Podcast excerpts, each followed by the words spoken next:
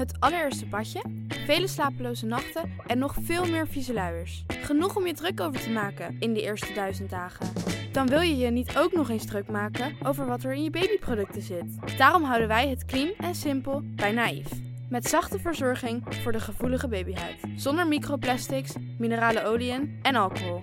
Zo zorgen we niet alleen voor je baby, maar ook de wereld die ze hun thuis noemen. Voor your baby's baby's baby dus. Naïef. Kijk, het gesprek begon ogenschijnlijk over het onrecht dat mensen wordt aangedaan als er zo'n vernietigende recensie wordt geschreven. En wat dat met mensen doet. Ja. Daar leek het gesprek over te gaan. Maar gaandeweg, en dat is dankzij goed redactiewerk van mijn eh, redacteur destijds, blijkt dat die test niet deugt. Via podimo.nl slash gonzo luister je de eerste 30 dagen gratis naar Podimo. podimo.nl slash gonzo.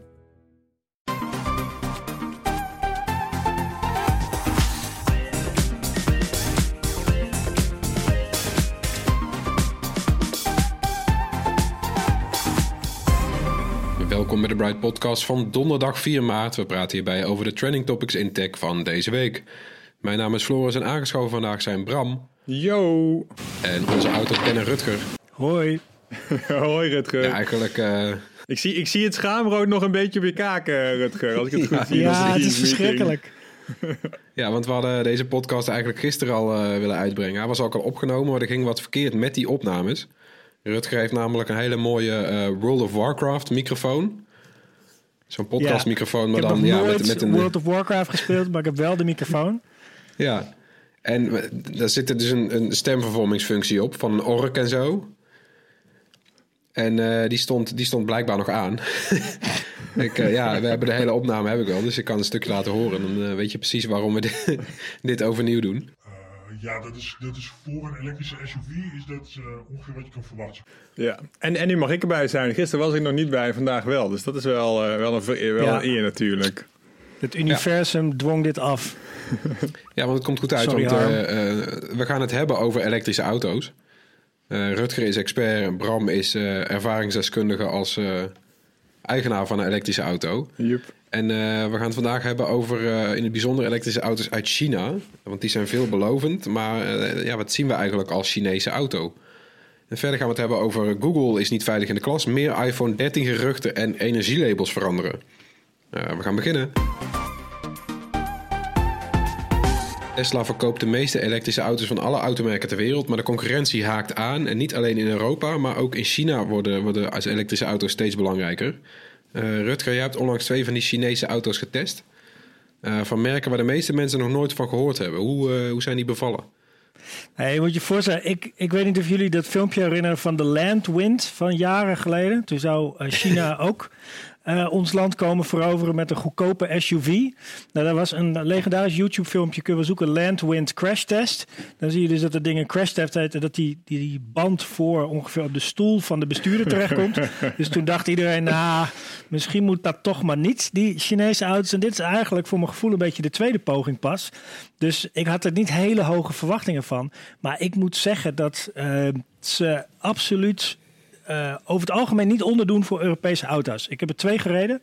De Ceres 3 en de iWays U5. En daar moet ik overigens ook bij zeggen dat ze niet meer zo extreem veel goedkoper zijn dan dat die Landwind was. Als je een Ceres neemt, kost die 38.000 euro, begint die ongeveer bij. Die iOS begint bij 40.000 euro. Nou, daarvoor kun je ook een eh, knappe Koreaan of Japanner elektrisch kopen, nieuw, met vergelijkbare specificaties. Maar vooral die iWays, die was zo mooi afgewerkt van binnen, had zoveel opties eh, standaard. Dat eh, waren eigenlijk best wel heel indrukwekkende auto's. En, en ben je dan meteen, eh, die auto's die wij kennen, hebben natuurlijk een geschiedenis van 20, 30 jaar of zo. Langer vaak nog wel. En dit is een geschiedenis van, één- van één jaar of nog niet eens. Dat vind ik best eng, zeg maar, voor een ding wat 130 op de snelweg gaat. Ja, klopt. Ja, het moet natuurlijk wel aan allerlei eisen voldoen. Hè? Ja. In die zin is het anders dan elektrische stepjes via de grijze import.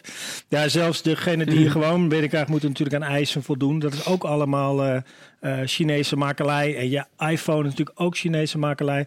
En die Chinezen hebben natuurlijk de afgelopen jaren wel heel veel ervaring op kunnen doen. Eh, met productieprocessen van westerse bedrijven daar. Er was ook een soort deal als je in China auto's wilde verkopen, dan moest je als autofabrikant in zee met een partner uit China. En dus ze zijn eigenlijk, hebben ze heel snel bijgeleerd. En bijvoorbeeld die Ceres-fabriek, die eh, eh, doet er dan heel trots over dat het allemaal, of Ceres of Iways, een van de twee, die doet er heel trots over dat hun fabriek alleen maar Siemens en Bosch machines en andere Duitse machines heeft staan. En dat allemaal topkwaliteit. En als je eh, de deur van die auto opentrekt, als je de materialen voelt, dan heb je echt niet het idee dat je met iets minders te maken hebt dan wat uit Europa komt. Maar je hebt dus Het is ook blijkbaar wel logisch eigenlijk, toch? In, in die zin dat, eh, weet je, we zien nu dat al die elektronica die wij gebruiken komt uit China, omdat ze daar heel snel kunnen schakelen. Ja, Eh, nou ja, wat dat betreft is het ook wel... wel- Al die Europese autobedrijven zijn misschien wat langzamer met overschakelen. Dus die Chinezen die kunnen... Nou weet je, wat, wat, wat in Europa vijf jaar duurt... het bouwen van een nieuwe fabriek... dat is in China in drie maanden gepiept. Nee, dat sowieso. Daar, daar kunnen ze natuurlijk sowieso veel sneller in schakelen. Ook omdat ze eh, geen vakbonden en andere moeilijkheden hebben. Dus die, die, Geen, geen je ook wel mensenrechten ook, beetje- ook wel fijn. ja, precies. Een beetje afvragen waarom dat zo ontzettend snel eh, kan gaan. Ja, Ehm, maar een elektrische auto bouwen is natuurlijk ook een stuk minder complex dan een auto met een verbrandingsmotor bouwen. Ja. Ik bedoel, in essentie, je hebt een accupakket, die wordt vaak al ingekocht ergens anders, of in ieder geval worden de cellen elders ingekocht. Ehm, je hebt een elektromotor en je hebt de hele carrosserie en het interieur en that's it. Maar je hebt geen eh, brandstofleidingen, brandstoftanks, eh, water eh, wat rondgepompt moet worden, weet ik veel wat. Het is een, het is een simpele product. Dus dat je elektrisch snel op kan schalen, dat is eigenlijk wel makkelijk. En de wet van de remmende voorsprong speelt hier natuurlijk ook. Als je geen fabriek hebt en je moet een fabriek neerzetten voor een elektrische auto, gaat het sneller dan wanneer je een bestaande fabriek voor brandstofauto's om moet bouwen. En vooral ook al het personeel om moet scholen. Natuurlijk allemaal beroepen die soort van overbodig gaan worden op het moment dat je Ja. van eh, brandstof naar elektro overgaat. terwijl je ook nog allemaal aandeelhouders hebt die zeggen... we willen winst blijven maken. Ja, ik wil dit jaar wil ik geld verdienen en volgend jaar ook. Nou ja, dat zie je Ja. dus ook. Dat, eh, daarom hebben vooral die Duitse automakers natuurlijk zo lang tegengehouden. Ook omdat de Duitse staat eh, aandeelhouder is bij Volkswagen bijvoorbeeld. Of, of een van de, de, de, de Kreisen, of weet ik veel hoe dat heet in Duitsland. Die is eh, eigenaar van, eh, van Volkswagen. Maar eh, die willen dat mensen volgend jaar gewoon nog een baan hebben. En dan kun je beter de Golf 8 maken en daarna de Golf 9. Dan dat je zegt, we nemen een gok en die hele Golf gaat eruit en we gaan de ID3 bouwen. Dat is risicovoller. En dus doen ze dat niet. En die Chinezen hebben niks te verliezen, die hebben alleen iets op te bouwen. Dus die kunnen zo een fabriek uit de grond stampen. Ja, en plus, eh, ik dacht ook vooral, waarom komen ze nu al? Die, ik bedoel, in China heb je natuurlijk een megamarkt waar, waarin, eh, nou, volgens mij elektrische auto's zo meteen alleen nog maar de steden in mogen en alle verbrandingsauto's niet meer. Of in Ja. ieder geval, daar wordt over gesproken. Dus ze zijn nou ook nog niet klaar geproduceerd voor eigen land, lijkt me zo. Nee, klopt. En ze hebben natuurlijk zowel het aanbod als de vraag in de hand tot op zekere hoogte. Ehm, en inderdaad, er zijn steden waarbij je dan eh, eh, alleen op de evendagen met je verbrandingsauto kan rijden. Ja, dan wil je wel graag over op elektrisch natuurlijk. Ja. En zijn dit twee nou, auto's zijn dit deze merken die ook dezelfde merken die in China uitkomen? Nou, soms zelfs soms niet. Kijk, die Ceres is bijvoorbeeld wel grappig. Ceres is in Amerika bedacht. Een van die eerste Tesla-medewerkers die zit er bijvoorbeeld in. En ehm, die ehm, hadden geld nodig. Nou, wie heeft er nu geld? China heeft geld. Dus eh, hebben ze daar een fabrikant en geldschieter gevonden... die die auto's ter plekke in China kan produceren. Maar die ook eh, daar financieel instapt. En die hebben gezegd, ja, jullie hebben twee hele leuke, hippe, nieuwe elektrische auto's eh, verzonnen. Prima, die gaan we bouwen. Maar wij hebben ook nog een auto van nog maar twee jaar oud, die elektrisch is. Dat is dus die Ceres 3. Die heet in China de Dongfeng, weet ik veel wat. Ehm, die moet je ook gaan verkopen als je een deal met ons wil. Dus die Ceres 3 is eigenlijk een soort eh barterdealtje. Wat grappig, ja. Weet je, als je een, eh, een, een, een, dat je een soort leesmap, je wil eigenlijk alleen maar de kijk, maar je krijgt alle andere krijg je er een Ja, beetje precies, bij. Ja, ja in dit geval wel, ja, ja absoluut. Ja, ja. Ja. En is het nou, eh, is het, dus het, is, het is wel een mooi spul. Het vind jou dus er niks, eh, niks tegen. Kijk, we praten ook over of het iets exotisch is. Dat is het natuurlijk helemaal niet. Maar het is natuurlijk wel grappig dat je je naam helemaal niet kent. En dan in één keer eh, in, in Nederland gewoon eh, naar een balie kunt gaan. Of hoe koop je die dingen eigenlijk? Dat is misschien nog wel de eerste vraag. Ja, dat is wel grappig. Ehm, nou ja, het MG had je natuurlijk al. MG Ja. is, klinkt Engels, maar is eigenlijk gewoon hebben ze alleen een merknaam overgekocht. Ehm, en de Dat zie je ook veel in Nederland, hè? Op de weg, die Ja, MG elektrische auto's. Klopt. Ja, dat is ook gewoon de allergoedkoopste instapper, zeg maar, die je krijgen kan. Ehm, die kost rond de 30.000 euro en heb je gewoon best een ruime kar. Ehm, Maar die kun je halen bij een gewone gewoon dealernetwerk. Dus de importeur is ook een dealer eh, eigenlijk. Eh Ceres zit weer anders in elkaar. Daar zijn een club Suzuki dealers die hebben samen gezegd... wij hebben niks elektrisch of hybride. We moeten zelf iets gaan zoeken. Wij gaan dat merk zelf importeren. Die zijn op zoek gegaan naar die auto. Dus dat gaat bij een Suzuki dealer. En eh iWays is in principe gewoon online bestellen, net als Tesla. Oh ja, ja. En dan eh, als je onderhoud wil doen, hebben ze Profile Tire Center hebben ze gecharterd om onderhoud en reparaties te doen. En eh, die modellen die je nou net laatst getest hebt, waar, wil je die even langslopen? Wat is nou, eh, hoe, hoe concurreren ze met de bekendere merken? Ja, nou even, als je het heel lomp zegt, die Ceres en die U5, eh zit 2000 euro verschil tussen, 38.000 en 40.000.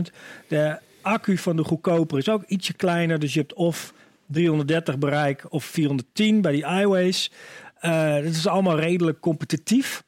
Eh, vergelijkbaar met eh, zeg een Kia Niro qua prijs en qua prestaties. Die iWays is echt een stuk ruimer. Dat is echt een veel grotere auto.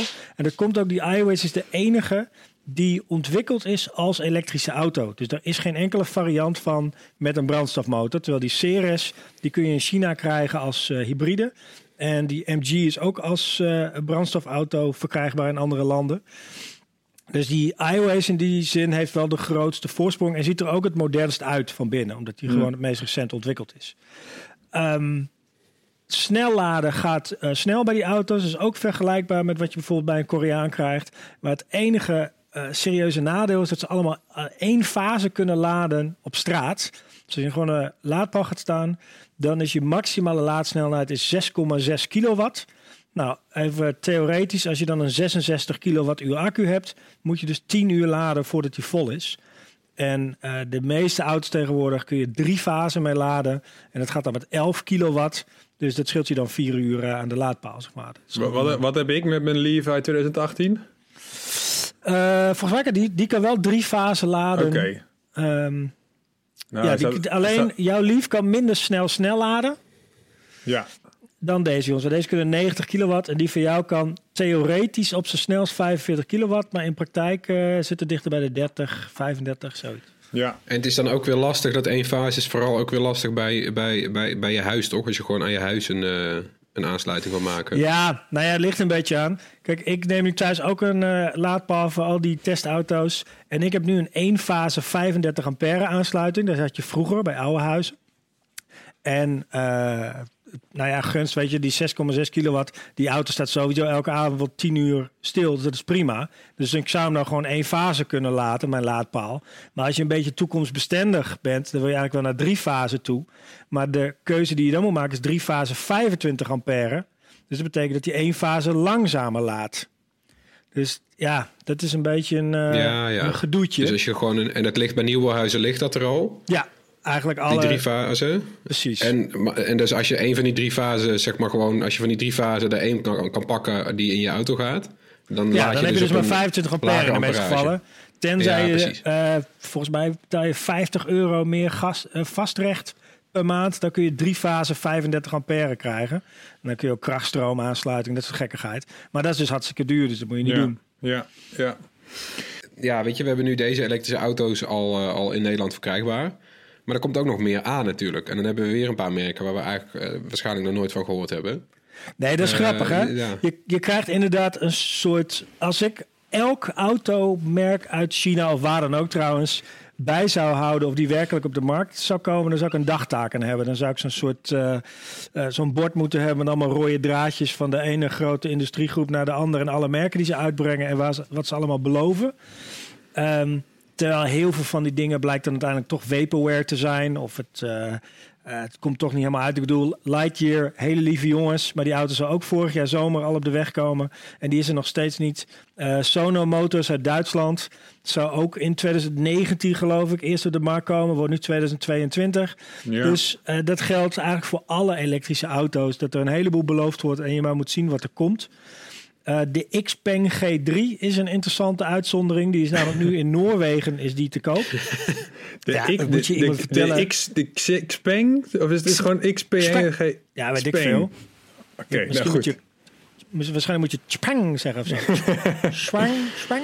Zoiets. Ja. Eh, maar die is nu te koop in Noorwegen voor rond de 34.000 eh, euro. Overigens, wat ook grappig is, ik weet niet of ik racistisch ben als ik hier een grap over maak. Dan moeten jullie dan maar even beoordelen. Maar de, de baas van Xpeng heet Brian Gould. En de bazen van iOS heet Gary Gould en Samuel Fool. Dan heb je toch een beetje het idee dat het allemaal niet echt is. Als Ja, die ja, ja. achternamen zo op elkaar lijken. Maar goed, het zal aan mij liggen. Het is Ehm, waarschijnlijk een populaire, populaire familienaam in China. Goe, Fu en Goe zijn dan. Oh, Goe- oh nee, we hebben twee Goes inderdaad. Ja, precies. Ja. Ehm, ja, nee, NIO, dat is ook een partij die komt met een nieuwe elektrische auto. En dat is ook een beetje volgens de eh, Tesla-manier van denken, zeg maar. Dus dat is geen brandstofauto die omgebouwd is, maar ook echt iets nieuws. De JAC IE7S heb ik iets over gelezen, dat die daadwerkelijk zou komen. Ehm, en Maar, waar die- komen die allemaal van? Zijn het allemaal andere bedrijven die hier allemaal achter zitten? Die hebben allemaal gewoon in één keer eh, een eigen elektrische auto. Ja, nou ja, ik ben te weinig financieel journalist om helemaal uit te vogelen welke groep waar achter zit. Want eh, ehm, er zijn wel een paar echt grote clubs die submerken Ja. hebben en hier wat proberen en daar wat proberen. En de ene keer een samenwerking hebben eh, met deze Europese club en daarna met die andere, zeg maar. Dus dat weet je nooit helemaal. Nou, het grappige is, het voelt een beetje als de telefoonmarkt van tien Ja. jaar terug of zo. Waarin je dus eerst gewoon een paar Koreanen had, een paar Amerikanen. En dat was het eigenlijk. En toen in één Ja. keer kwamen al die Chinezen. En de, de ene bedrijf ging, eh, kwam en ging en de andere zijn gebleven. De Oppo's, de OnePlus, de Huawei's, de Xiaomi's. Allemaal merken die we nu allemaal wel kennen. Eh, en ja, ik zeg al, Ja. sommige zijn ook weer verdwenen. Maar eh, ook daarachter zie je weer dat de Oppo en OnePlus eh, in principe dezelfde investeerder heeft. Dus hoeveel Ja. daarvan eh, hetzelfde bedrijf is, blijft altijd Ja, een beetje Xiaomi gissen. heeft ook zes merken, toch? Xiaomi, Xiaomi heeft ook weer zes merken die daaronder hangen. Maar, het is, ja, eh, Huawei had er een paar. maar ik weet Ja. wel... En ik weet, Maar het is ook wel grappig, want ik weet nog, toen Huawei kwam inderdaad, toen dachten we ook allemaal, wat is dit nou weer? Hoe moet je Ja. het uitspreken überhaupt? Ja. Ja, maar ik vraag me wel af dus ook of we dus nu weer een fase gaan krijgen waarin wij dus als, als eh, techjournalisten ja, moeten gaan ontdekken dus welke, welk merk eh, gaat blijven en welk merk betrouwbaar is eh, en welke eigenlijk gewoon het beste nog een, is eh, die het beste gewoon over kan slaan. Dat is wel interessant. Ja, nee, klopt. Het maakt de, de markt echt een stuk interessanter. Dat is absoluut zo. Want zijn ze ook een beetje, ze zijn goed, goed uitgerust over het algemeen, toch? Als je over die iWays en die series hebt. Ja, kijk, eh, dat is een grap. Dat zie je trouwens in de hele automarkt. Wat je natuurlijk hebt gezien is dat ehm 15, misschien 20 jaar geleden reed de gemiddelde Nederlander reed in een Volkswagen Golf of in een Ford of zoiets. En dat was prima. En op een gegeven moment schoof het allemaal op dat iedereen in een BMW 3-serie wilde rijden. Iedereen wilde een stapje hoger. Het is net als dat iedereen een iPhone eh, eigenlijk wil en niet een, een, een budgetmodel.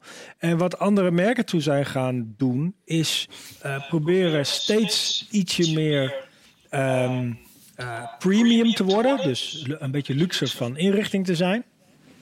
En eh, vooral door gewoon standaard heel veel opties te bieden. En eigenlijk al die merken zijn erin terechtgekomen. Het begon met de Franse merken, want niemand kocht een Franse auto, want die stonden te boek als minder, minder betrouwbaar. Dus moesten ze wel heel veel opties standaard meegeven. Maar je merkt dat dat nu bij een Ford bijvoorbeeld ook gebeurt. En een Kia en al die clubs moeten dat doen. En die Chinezen die komen dus nu in een markt waar het eigenlijk al een beetje verwacht wordt. En die gaan er dan nog weer een keertje overheen.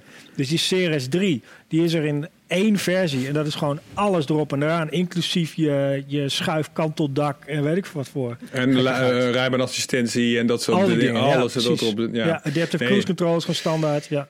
Tegenwoordig kun je geen nieuwe auto meer kopen zonder eh, eh, camera aan de achterkant en eh, piepjes Ja. en dat soort dingen volgens mij. Dus dat geloof ik helemaal, ja.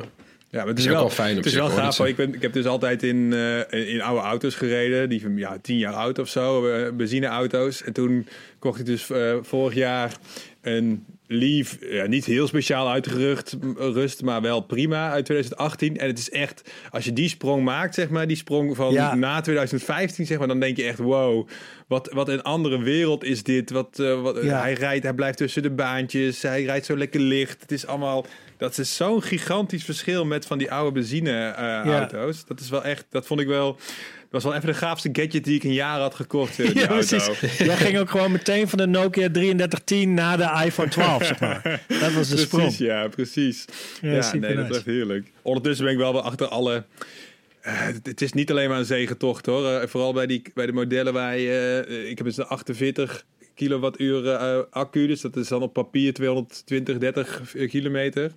Maar hier in Ja. de winter zit je wel echt te kloten met... eh, als mijn vriendin dan eh, op en neer is gereden in Utrecht... moet ik nog thuis even laden en dan even... Ah ja, het is, het is, Ja, ik ga nooit meer terug naar eh, benzine, denk ik. Maar eh, een welke, wel met een twee keer zo grote accu de volgende keer. Dat weet ik wel ja zeker. ik denk dat Ja. mijn gevoel is 40 kilowattuur wordt een beetje de nieuwe ondergrens. Dus Ja. dat is de, wat jij ook hebt. En dat is dan een auto die je voor woon-werkverkeer, dat soort dingen kan gebruiken.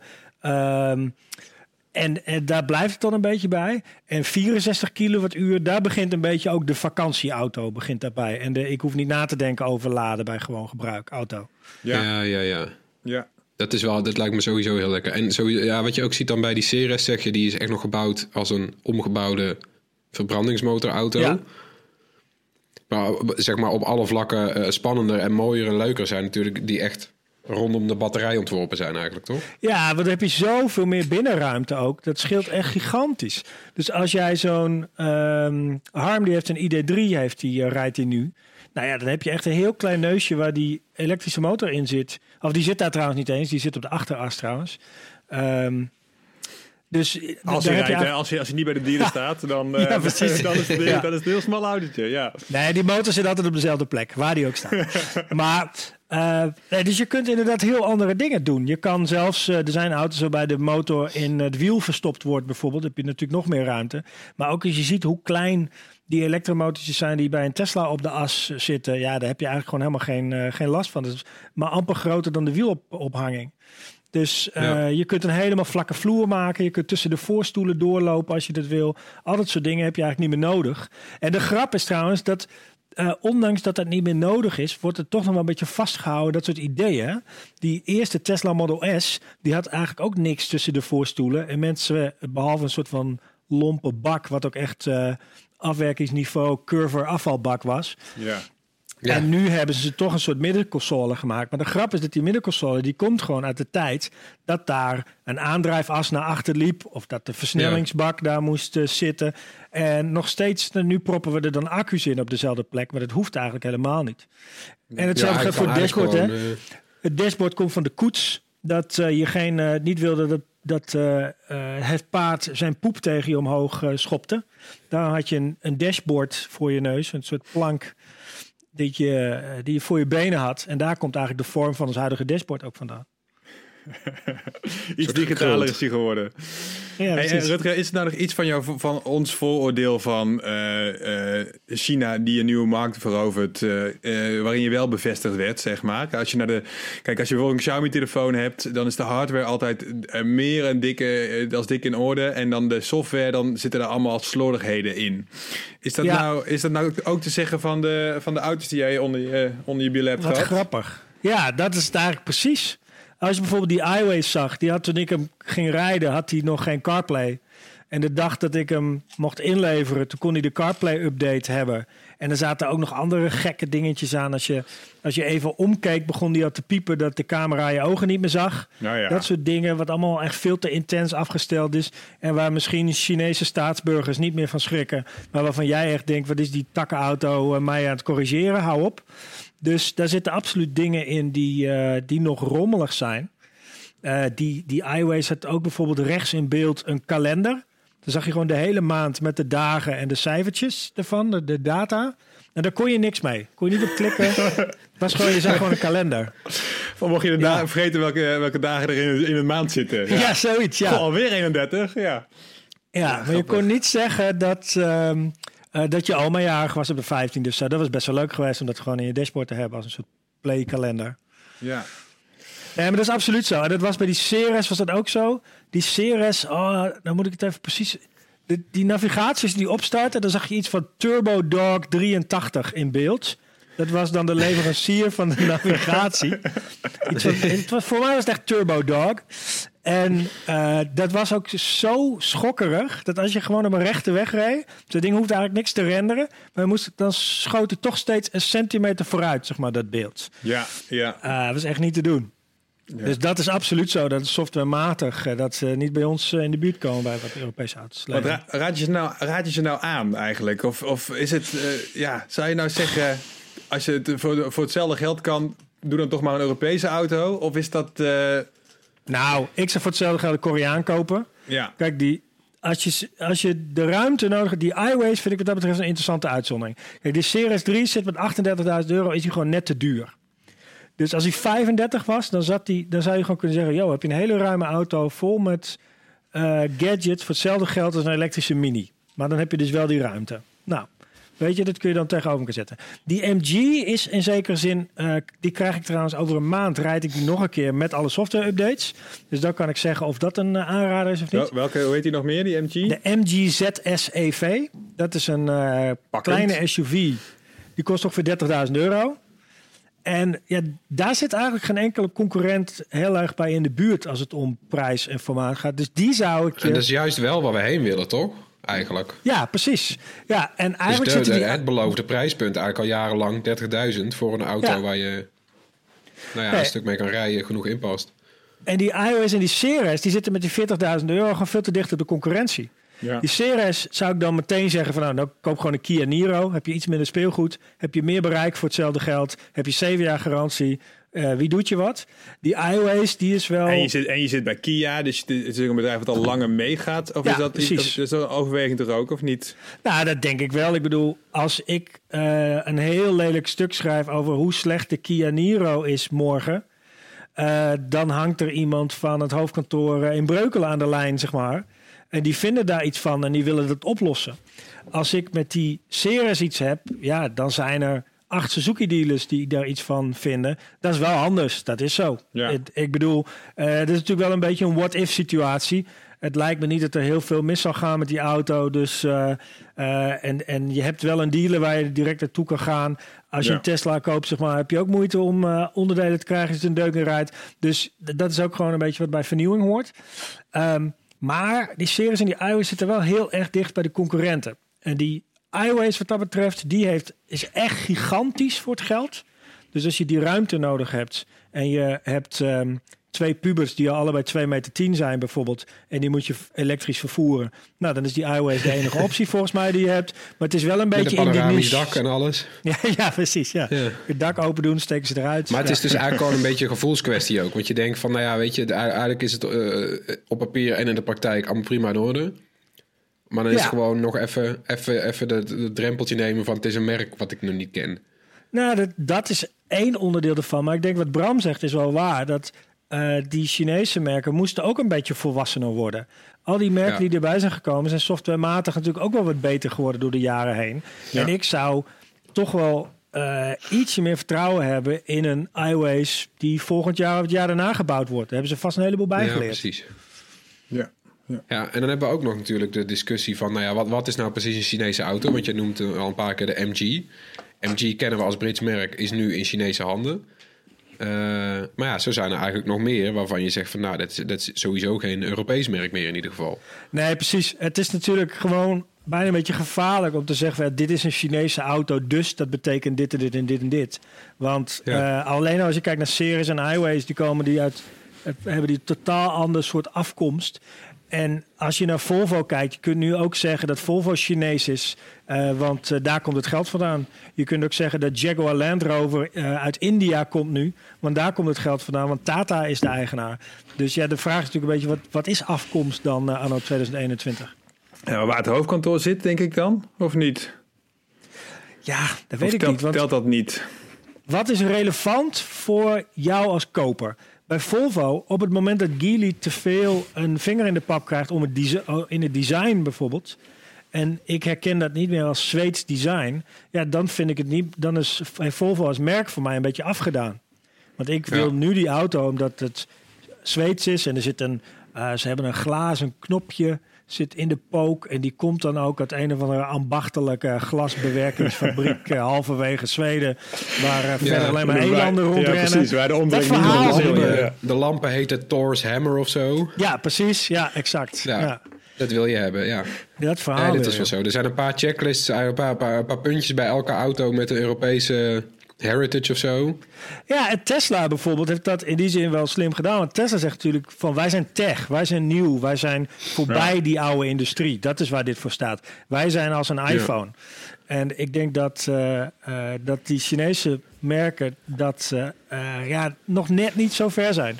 Zo'n naam als iWays, daar staat AI, staat voor Artificial Intelligence. Oeh, oeh, dat dat vind ik moeilijk. Ja. Ja. Was er iets AI aan dan of niet? Eh, ja, hij hield me de hele tijd in de gaten. En Oh, ja. camera checkte of ik een Oeigoer was, had ik het idee. Maar het zat waarschijnlijk meer tussen mijn oren. Eh, ja, Zo'n zo'n vrachtwagen-ding is dat toch? Als je chauffeur bent, dat je in de gaten gehouden wordt dat je niet in slaap valt of iets anders aan het doen bent, Ja. eh, toch? Ja. maar hier is Ja. echt, als jij je door je hoek checkt, dan piept dat ding al. Dan kon je gelukkig uitzetten, heb ik ook heel snel gedaan. Maar dat. Dus je had alleen maar Waze had je eigenlijk nog. ja, precies. Maar eh, over Volvo gesproken, die hebben deze week ook weer wat bekendgemaakt. Namelijk dat ze vanaf 2030 alleen maar elektrische auto's gaan maken en verkopen. Ja, ja, en ook nog eens online verkopen. Dat is natuurlijk ook wel spannend. Ja, want ik vraag me dan af hoe boos al die dealers eh, vandaag rondstampen in hun mooie glanzende pandjes. Eh, Ja. Dat is ook een ding. Maar ehm, er zijn natuurlijk meer merken die het doen. Hè. Volkswagen, Ford eh, zeggen ook 2013 gaan we helemaal elektrisch. En de vraag is een beetje in hoeverre dat is omdat ze echt heel graag elektrisch willen maken. Of dat het misschien komt omdat verwacht wordt dat in 2025 het voor elke consument slecht voor de portemonnee is om een benzineauto nog te kopen. Want accuprijzen zakken nog steeds. Benzineauto's worden relatief duurder. eh, belastingen, milieuheffingen. eh, al die dingen zullen, zullen alleen maar erger worden. Of, of nou ja, het zal duurder worden om een brandstofauto te rijden. Eh, dus het is ook gewoon een beetje vooruitzien wat de markt doet. In 2013 kan ik me niet voorstellen dat het nog uit kan om een benzineauto te kopen. Ja, waarom zou je dan als eh, fabrikant in 2024 nog een nieuwe benzinemotor gaan ontwikkelen? En een Ja. ander dingetje dat meespeelt. eh, de Europese Unie wil nog scherpere uitstooteisen gaan stellen. En dat betekent dat we heel veel geld in moeten steken om die benzinemotoren nog schoner te maken. Ja, dat geld wil je natuurlijk eigenlijk helemaal niet investeren in een aflopende techniek. Dat is gewoon zonde. Dus het lijkt er ook een beetje op dat die autofabrikanten gewoon inzetten op... als we nu alvast zeggen dat we in 2013 alleen elektrische auto's verkopen... kunnen die dan een beetje chill doen met die uitstooteisen. Dan kunnen we gewoon nog even onze Mm. laatste autootjes de deur uitschuiven... en dan eh, gaan we mooi pijnloos over naar elektrisch. Ja, dat is wel. Ik vind het wel een eye-opener wat je nu zegt. Eigenlijk is het gewoon. Er is gewoon geen toekomst voor niet-elektrisch. Dus laten we maar snel even zeggen dat we eh, elektrisch zijn. Dan lijken we nog een soort van voorlo- voorloper te worden. In plaats van dat Ja, het gewoon precies. de enige, de only way is, zeg maar. Oh, grappig. Ja, en eh, dat was natuurlijk ook, Volvo zei eerder al, vanuit 2019 verkopen we alleen geëlektrificeerde auto's. En daar bedoelden ze dan ook gewoon normale hybrides mee. Nou ja. En iedereen ving het op als een soort, ze bouwen- maken alleen maar elektrische auto's, maar dat was niet zo. En ja, de enige Nee. manier om aan uitstooteisen nu te voldoen, is om minstens een hybrid. En over twee jaar moet het minstens een plug-in hybrid zijn, als je nog, eh, nog mee wilt. Dus ja, Oh ja, dus voor de rest mag je gewoon geen. Je mag, je mag gewoon geen dieseltje meer maken. Nou, je kan wel proberen een diesel te maken, maar die krijg je nooit zo schoon dat hij aan de uitstooteisen voldoet. En eh, elke diesel die je verkoopt wordt meegenomen in het totaal. Dus elke fabrikant die wordt afgerekend op het gemiddelde van de verkochte auto's. Ja. Dus als jij 100 diesels verkoopt, ja, dan moet je opeens 10.000 elektrische auto's verkopen. Als jij geen diesels verkoopt, dan kun je ook één elektrische auto verkopen. Ja, dus ja, daar ja, zit ja. natuurlijk een beetje een... eh, deze aantallen waren... En het is natuurlijk met die, eh, met, met die eerste hybrides was ook nog wel een beetje sjoemelen, toch eigenlijk? Want dan... eh, Ja, dat is het Althans, nog was- steeds. Kijk, ehm, die reiscycli die ze, waarmee ze testen, daar begin je met een volle accu. Dat is natuurlijk eigenlijk een beetje vals spelen. Eh, als het om een gewone hybride gaat, dan begin je met een volle accu. En dan ga je een stukje optrekken, dat doe je elektrisch. Kun je zeg maar drie kilometer elektrisch met een gewone hybride. En in totaal meet je 50 kilometer of zo dat je rijdt. Ja, dan is die drie kilometer best wel significant. Terwijl als je die de eerste keer helemaal leeggereden hebt bij een normale hybride, dan krijg je hem bijna nooit meer helemaal vol. Want Ja.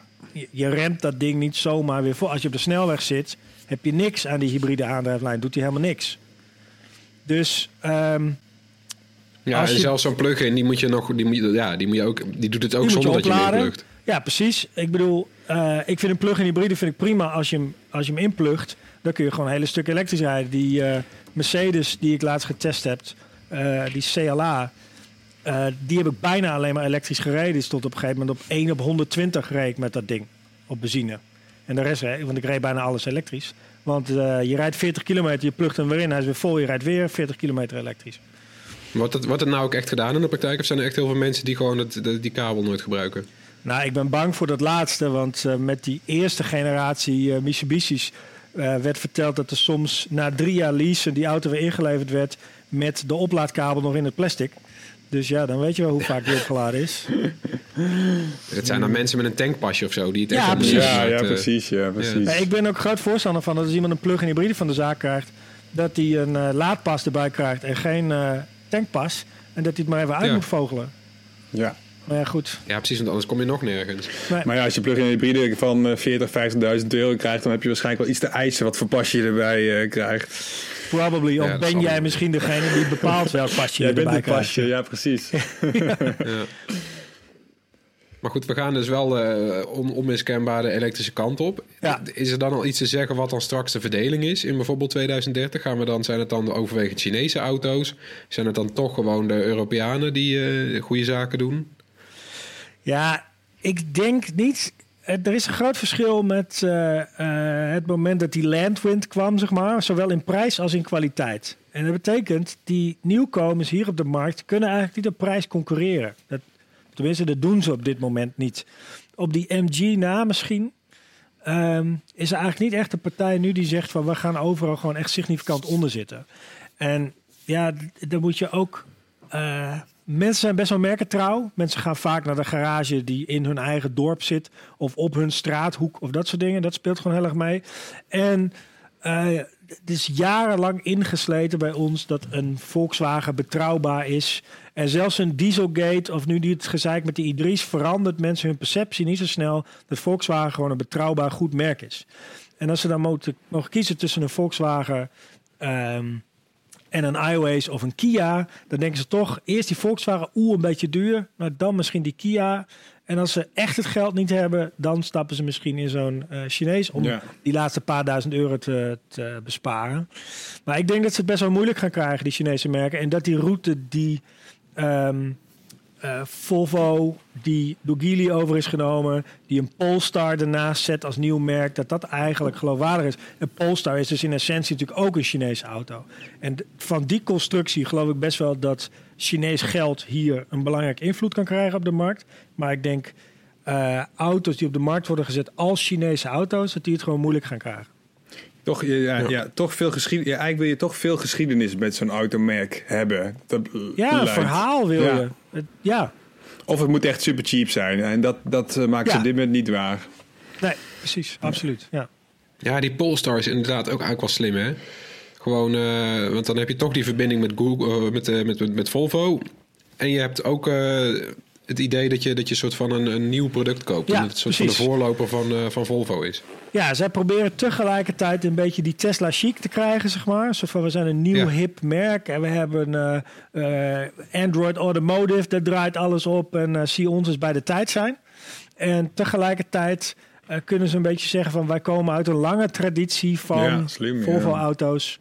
Ja, Wat dat is gewoon design een elementen erbij van Volvo. En dan eh, Ja, dat vind ik weer heel gek. kopen wij het allemaal weer. Ja, grappig. Ja. Leuk dat de marketing natuurlijk... Kijk, het, eh, hoe, hoe elektrischer het wordt, hoe meer marketing natuurlijk... eh, marketing en gadgets belangrijker worden. Want ja, de innovatie, die... Die, die kastjes, zeg je ook, die auto's zijn makkelijker om te maken. Dus het is, het is eigenlijk moeilijker om je eh, te onderscheiden op, op technisch niveau. En Ja. dan blijft dus marketing en, en uitrusting blijft dan over. Ja, het is ook grappig dat je bijvoorbeeld ontzettend veel eh, auto's ziet met exact eh, 205 pk is het geloof ik. 150 kilowatt. Omdat dat gewoon een elektrische motor is die je blijkbaar standaard eenvoudig kunt bouwen. Ja. Dus al die auto's hebben dezelfde specs. En afhankelijk van de, het gewicht gaan ze dan iets sneller of iets minder snel naar de 100. Maar that's it. En die accucellen worden ook groot ingekocht bij andere partijen vaak. Dus daar zit ook niet zozeer een verschil in. Dus dan gaat het om eh, de softwarematige kant van de auto. En het eh, design. En vooral inderdaad ook dat verhaal. Ja. Dat, Nou, eh, ja. dan, dan zie je die Apple-auto in één keer wel weer zitten. Hè? Als Apple gewoon de software en de foefjes kan bedenken, dan... en de, of, Ik weet denk jij? het niet.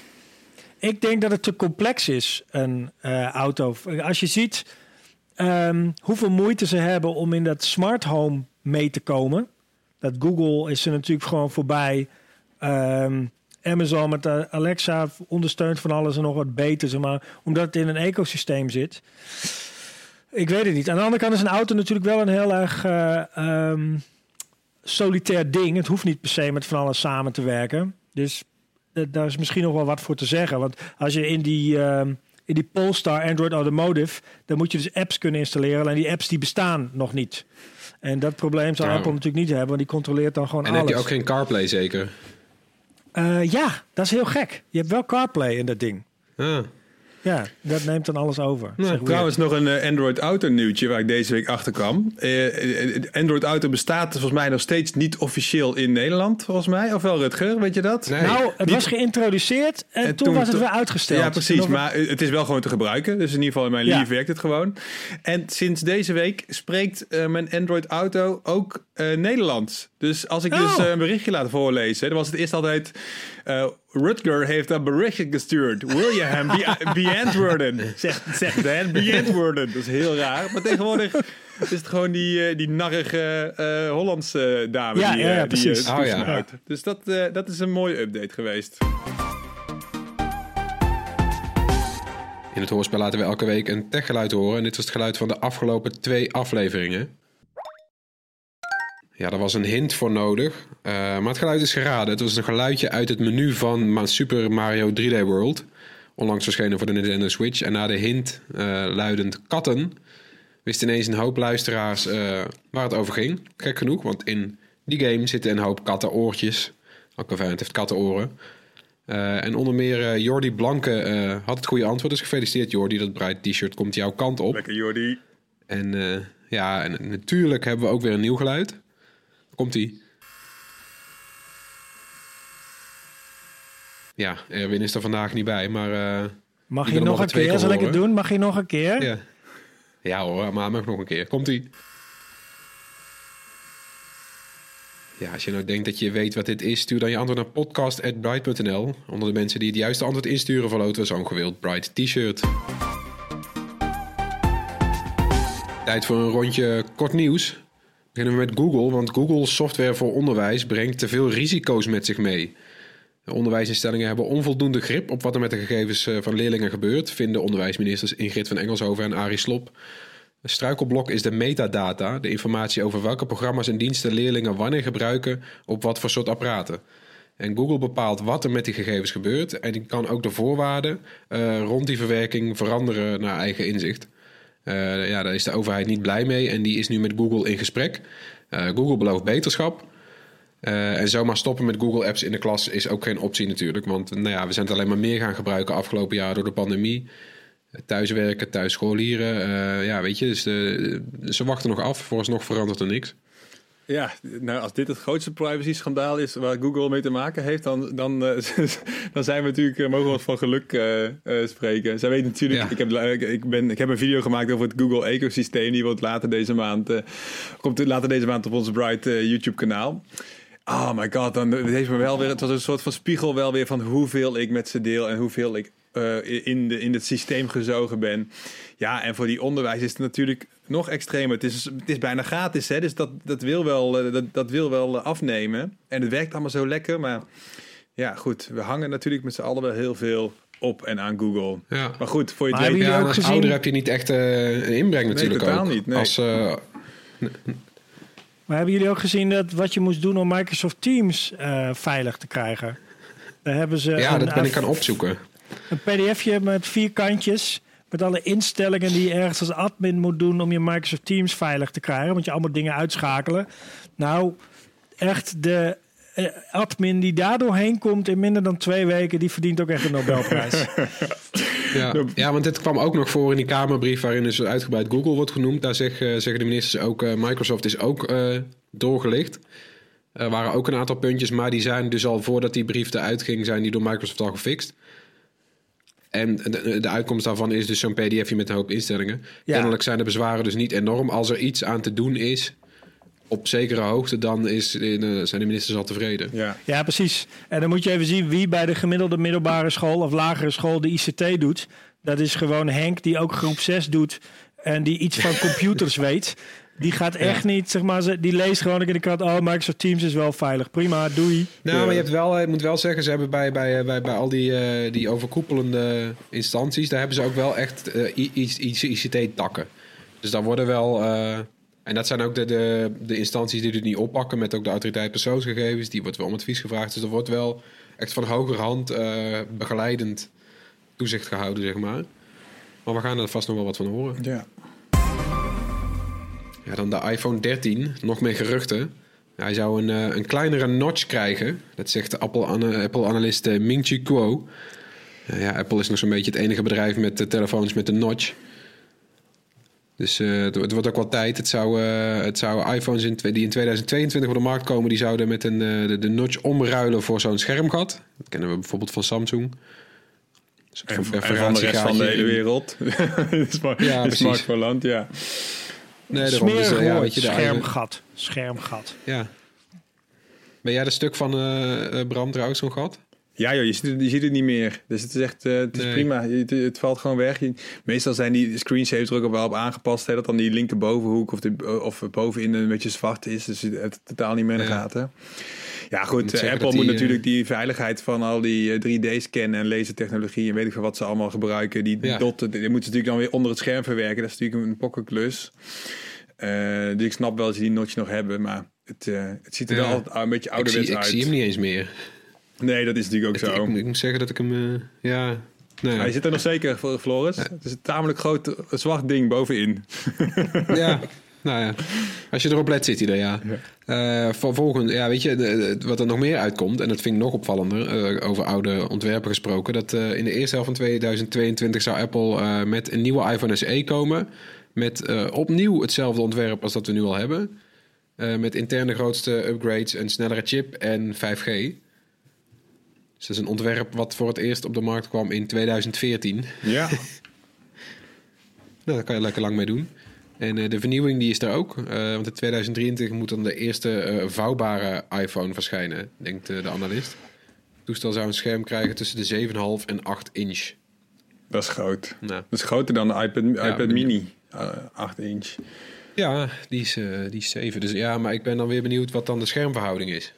Ja. Dat het ongeveer hetzelfde is. Sommige van die vouwtelefoons zijn best wel vierkant uiteindelijk, hè? Ja, ja 4 bij 3 de meeste wel. Ongeveer. Nou ja, goed. Geen Ja. idee.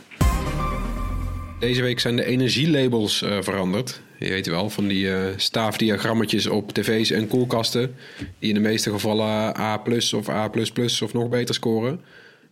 Dus het, ja, het was altijd goed of beter. Dat is niet meer zo. De eisen zijn strenger geworden, eh, duidelijker. De A met de plusjes die gaat eruit. De nieuwe schaal die loopt van A tot en met G. Dat zegt de Stichting Milieu Centraal. En de zuinige apparaten die hebben dus nu een energielabel A, de minst zuinige G... En eh, tot het eind van het jaar kan je nog eh, de oude labels of twee labels op dozen tegenkomen. Online zijn veel van de nieuwe labels al te zien. Zag ik ook deze week toen ik een nieuwe tv wilde uitzoeken. Die had ineens energielabel G. Oeh. Gadverdamme. De G Ja. van Gadverdamme. Ja. Ik heb dus Ja. even diepgravend journalistiek onderzoek gedaan naar de verschillen tussen de oude en de nieuwe energielabels. Je moet dus wel echt je best doen om het verschil te zien. De oude die had overal een soort van blauwe vierkantjes omheen. En daar stond Energ stond daarboven. En dan in vier losse vakjes stond daar energie met IE of energy met een Y stond erachter. En nu is het Energ met een ehm flitsding, een bliksemschichtje erachter. Ah, Oké. Energ bliksemschichtje, dat is de nieuwe. En waar je het dan een kan herkennen is dat er dus niks meer bovenaan gaat. Dus dat is, Nee. dat is natuurlijk wel een een goede clue. Ja. Ja, ook dat. Ja. Nou, wat ik ook wel Nee, leuk en vind, ze zetten dus ook wel hoeveel energie het eh, kost per jaar ongeveer. Ja, En dat is ook precies. wel leuk. Kijk, Mensen die natuurlijk een, een A-label kopen, een Amerikaanse koel- koelkast met A-label. Je kunt natuurlijk veel beter gewoon een, een Hollandse kleine koelkast met label, eh, met label C kopen. Zeg maar. Die verbruikt natuurlijk uiteindelijk minder energie, maar eh krijgt wel een grote of een, een slechte label. Dat is natuurlijk ook nog eens zo. Ja, true. Dan maar geen Ja, en wat je natuurlijk al had, dat oude label, daar paste A+++ paste al niet meer op. Dus ik heb bijvoorbeeld nu een wasmachine, die is A+++ min 40 procent. Het is ongelooflijk. Hoef je bijna de stekker niet eens in te doen. Het was, het, was wel, Nee. het was wel tijd voor nieuwe labels, kunnen we wel Die draait op twee penlights, draait mijn eh, wasmachine. Ja, dat is ongelooflijk. Het wordt niet schoon, maar Als je de het is was wel draaide, dan liep je, je, je meter liep terug gewoon. Zo, eh, Ja, precies. Ja, ja. Ja, dan eh, hebben we ter afsluiting nog wat tips. Beginnen we met Rutger. ja, ik weet niet, mag ik wel een auto noemen? Is een auto, mag dat als tip? Ja, mag. Mag iedereen even een proefritje boeken voor deze week. Eh, in de Bright duurtest heb ik deze maand de Fiat 500e van Electric eh, gereden. En dat is zo'n leuk autootje. Het is echt... eh, eh, het hij is superleuk om te zien. Het is echt opgefrist van het vorige model. Die inmiddels, eh, nou volgens mij al 13 jaar of zo eh, rond. Als ik me niet vergis. Echt al heel lang. Met een paar kleine updates. Deze ziet er echt weer helemaal fris uit. En hij is helemaal elektrisch. En dat past gewoon heel goed bij zo'n klein autootje. Je kunt een instappertje kopen voor 24.000 euro. Die heeft ook een kleine accu. Dus echt een boodschappenautootje en een beetje woon-werkverkeer. Maar de iets dure versie, 28.600 begint die. Eh, dan heb je een eh, best wel serieus accupakketje. Dezelfde als Bram. Ongeveer 40 kilowattuur. Dus eh, daar kun je al, al... In Nederland kun je daar prima mee redden. Ook omdat hij met 85 kilowatt kan opladen. Dus Leuk. de Fiat 500e, dat is mijn tip. Volgende week donderdag heb je daar, hier komt je video daarvan online, Rutger. Dan moet je zelf even kijken. Ja, precies. Ja, Zal ik mijn tip maar geven? Ja, ik, had een, eh, eh, ik, kwam een leuke podcast tegen. Ehm, en die podcast dat is van Sideways, een BBC-podcast. Matthew eh Side is een, de journalist die dat allemaal aan elkaar praat. Ik weet niet of jullie hem kennen, maar die heeft dus een podcast. Ja, ik weet nog niet zo goed waar de podcast nou over gaat. Ze hebben losse afleveringen, ik heb er eentje geluisterd. Maar wat het verband is tussen de afleveringen moet ik nog even vinden.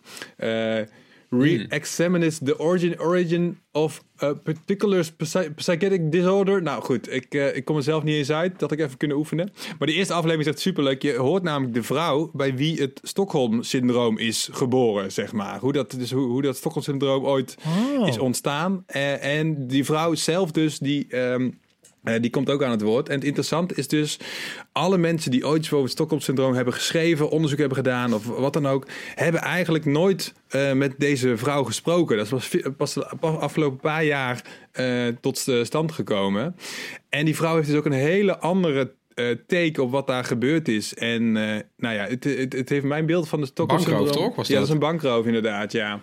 Ja, het is heel, heel interessant om, om te luisteren. En het heet dus Siding with the Enemy van Sideways van de BBC. nice. Dat klinkt goed. Mijn, eh, mijn tip is een, een game.